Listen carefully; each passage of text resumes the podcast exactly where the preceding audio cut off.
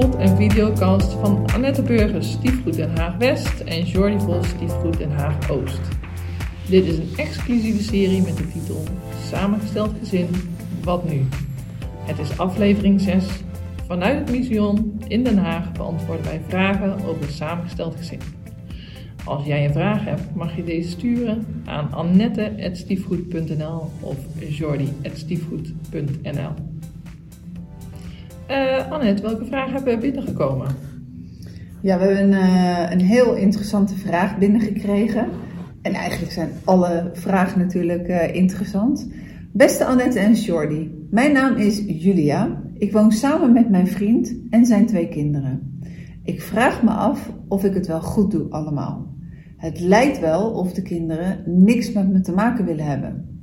Ik vraag me dan af wat ik niet goed doe. Als ik in de keuken sta en zijn kinderen staan vlak naast mij, dan roepen ze alsnog hun vader, terwijl de vader uh, ver weg in de woonkamer is, uh, als ze hulp nodig hebben. Ik denk dan, ja, weet je wat, zoek het ook maar uit. Het maakt me boos en vervolgens voel ik me weer schuldig dat ik dit denk.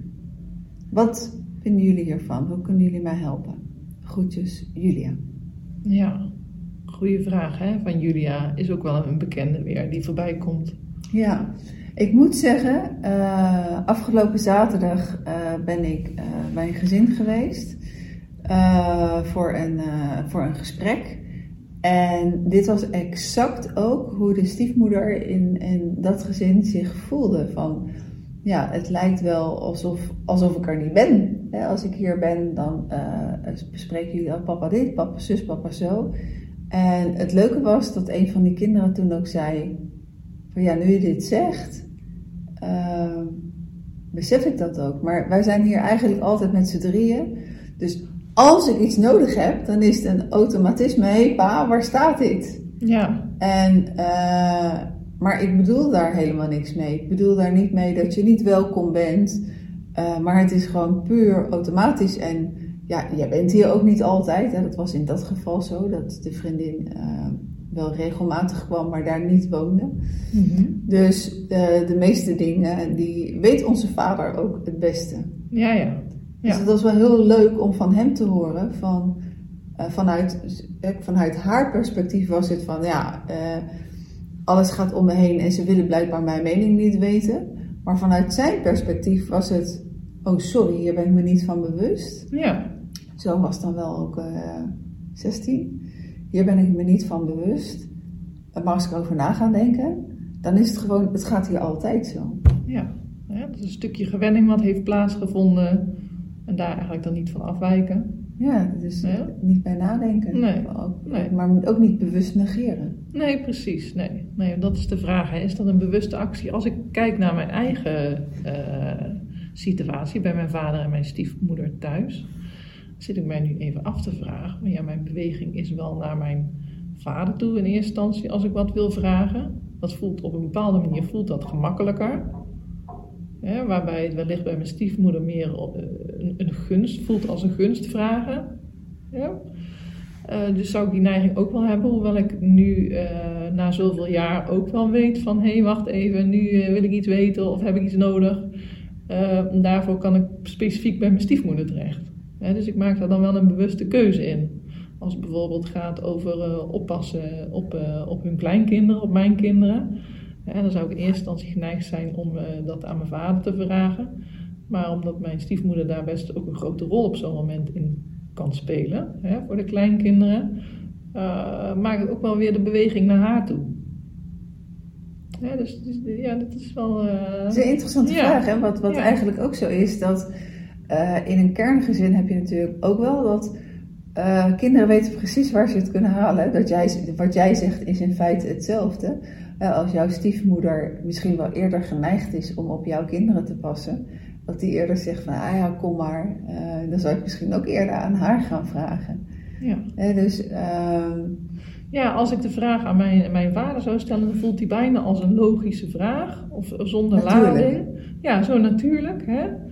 Uh, en ik merk wel dat als ik hem aan mijn stiefmoeder zou uh, stellen, los van het antwoord, hè, maar dat het toch met een andere lading is. Niet per se negatief, maar dat voelt anders. Het voelt anders. En, en, en bij jou in het huis dan, Jordi? Ehm, nou, in dat opzicht herken ik uh, de vraag of de situatie die Julia omschrijft ook. In die zin dat uh, ik ook merk dat stiefkinderen geneigd zijn om toch naar hun eigen ouder uh, de eerste beweging te maken. En dat is natuurlijk ook iets wat we vaak voorbij laten komen. Dat is de beweging van de kinderen. Eerst naar de eigen ouder. En dat doet mijn dochter ook naar mij toe. Hè? voordat ze naar haar stiefvader gaat.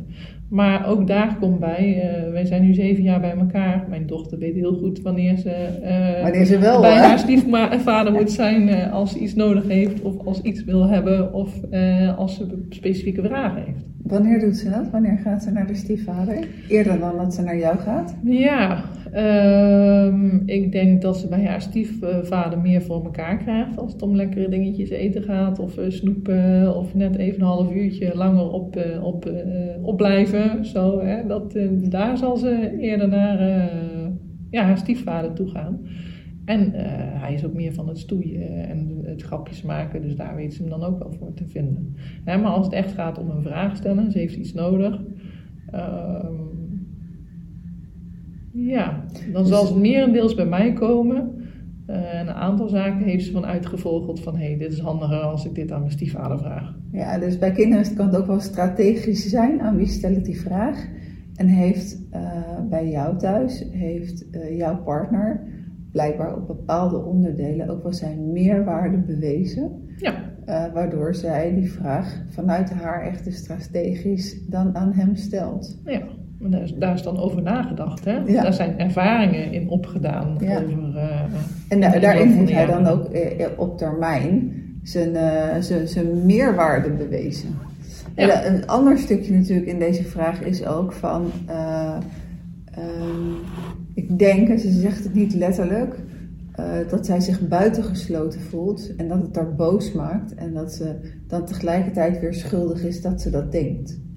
En dan... dan uh, als ik hem lees, dan voel ik ook dat ze het helemaal op zichzelf betrekt. Mm -hmm. en, en dan voel je je persoonlijk afgewezen. Maar zoals we nu in het eerste deel hebben bena benaderd, uh, het stukje uh, dat van het kind uit de natuurlijke beweging automatisch is naar de, eerste, naar, naar, naar de ouder. En dat er één op dat moment is. En dat ze ook nog weten van oké, okay, van wie krijg ik die snoepjes? Maar goed, hè, we weten natuurlijk niet als ze in de, in de keuken iets, iets, iets hebben en ze hebben hulp nodig, weten niet wat de leeftijd van de kinderen is. Um, maar van dat stukje van uh, dat je het je heel erg persoonlijk aantrekt ja. uh, naar, om meer te kijken vanuit een helikopterpositie. Wat gebeurt hier? Ik vind het ook wel interessant, ze zegt niet wat de leeftijd is hè, van die kinderen, nee. maar ook om het gesprek aan te gaan. Mm -hmm. Met de kinderen. Met de kinderen. Ja, ja dat is een, een, een mooie toevoeging hier. Hè? Dus Ja. je kunt de kinderen natuurlijk gewoon de vraag stellen van, goh, wat gebeurt hier nou? Hè, ik sta praktisch naast je en uh, hè, je gaat toch onderweg naar je vader. En dat is oké, okay, hè? Ja, want dat is natuurlijk belangrijk. Uh, maar wat gebeurt er dan? Ben je daar bewust van of niet? En dan zeg jij, dat is afhankelijk ook van de leeftijd van Absoluut, de kinderen ja. natuurlijk.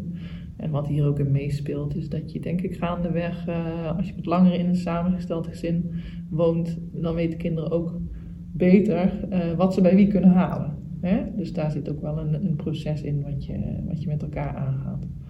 Maar op het moment, uh, dat zeg je ook van, joh, hè, ze maakt het heel erg persoonlijk. Uh, maar vanuit de wetenschap dat de eerste beweging van het kind naar een ouder toe is, uh, maak je dat minder persoonlijk.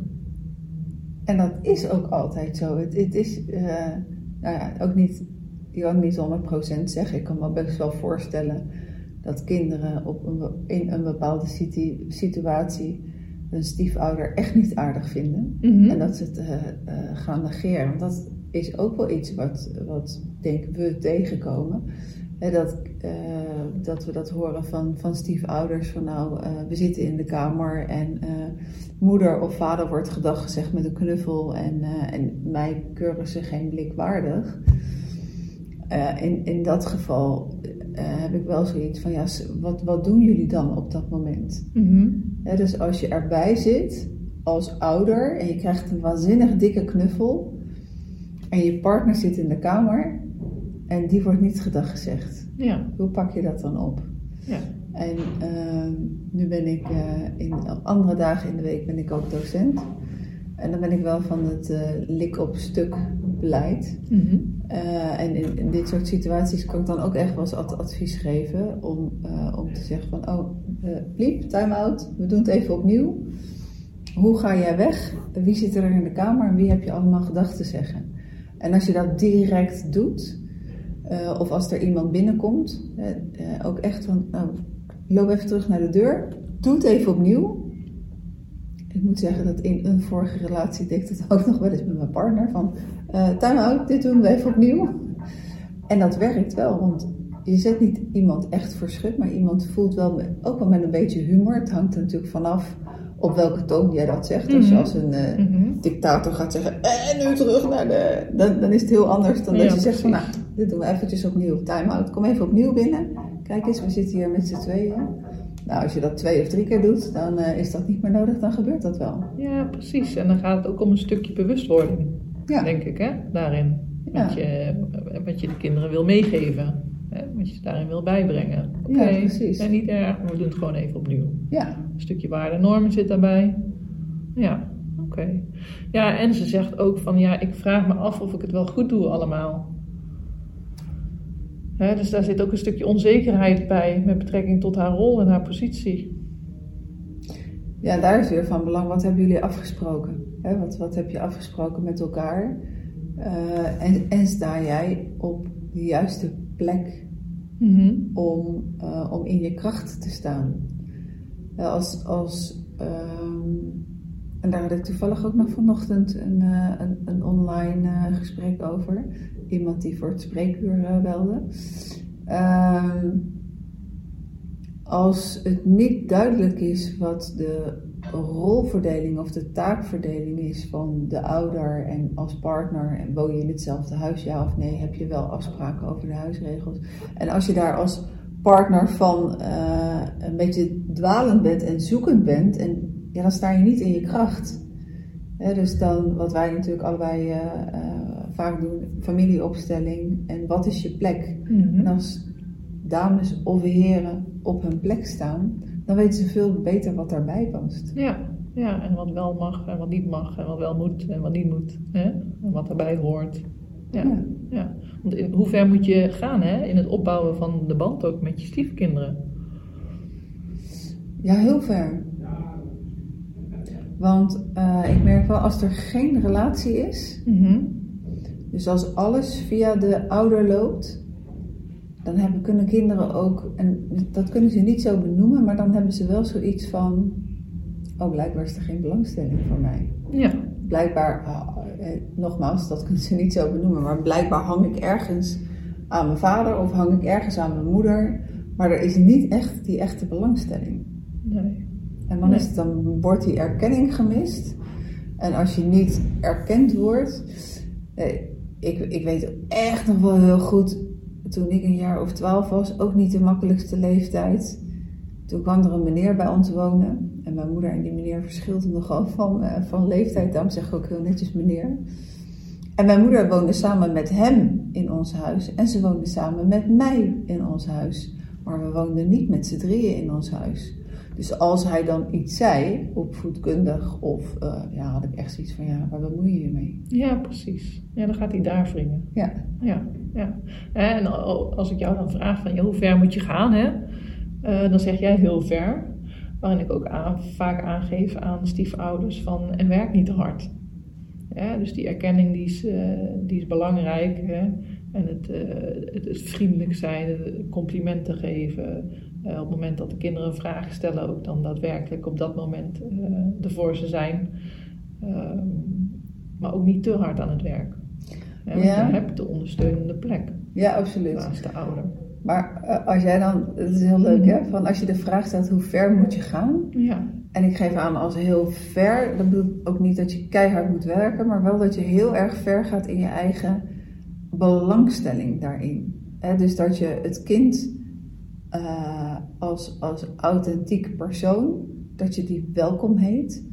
Eh, en dat je zelf ook authentiek bent. Dat je, e- dat je echt contact maakt. Ja, echt contact maken. En dat bedoel ik met heel ver gaan. Dat het, dat het gaat om echt contact. Ja. En niet dat je keihard moet werken en alles moet doen.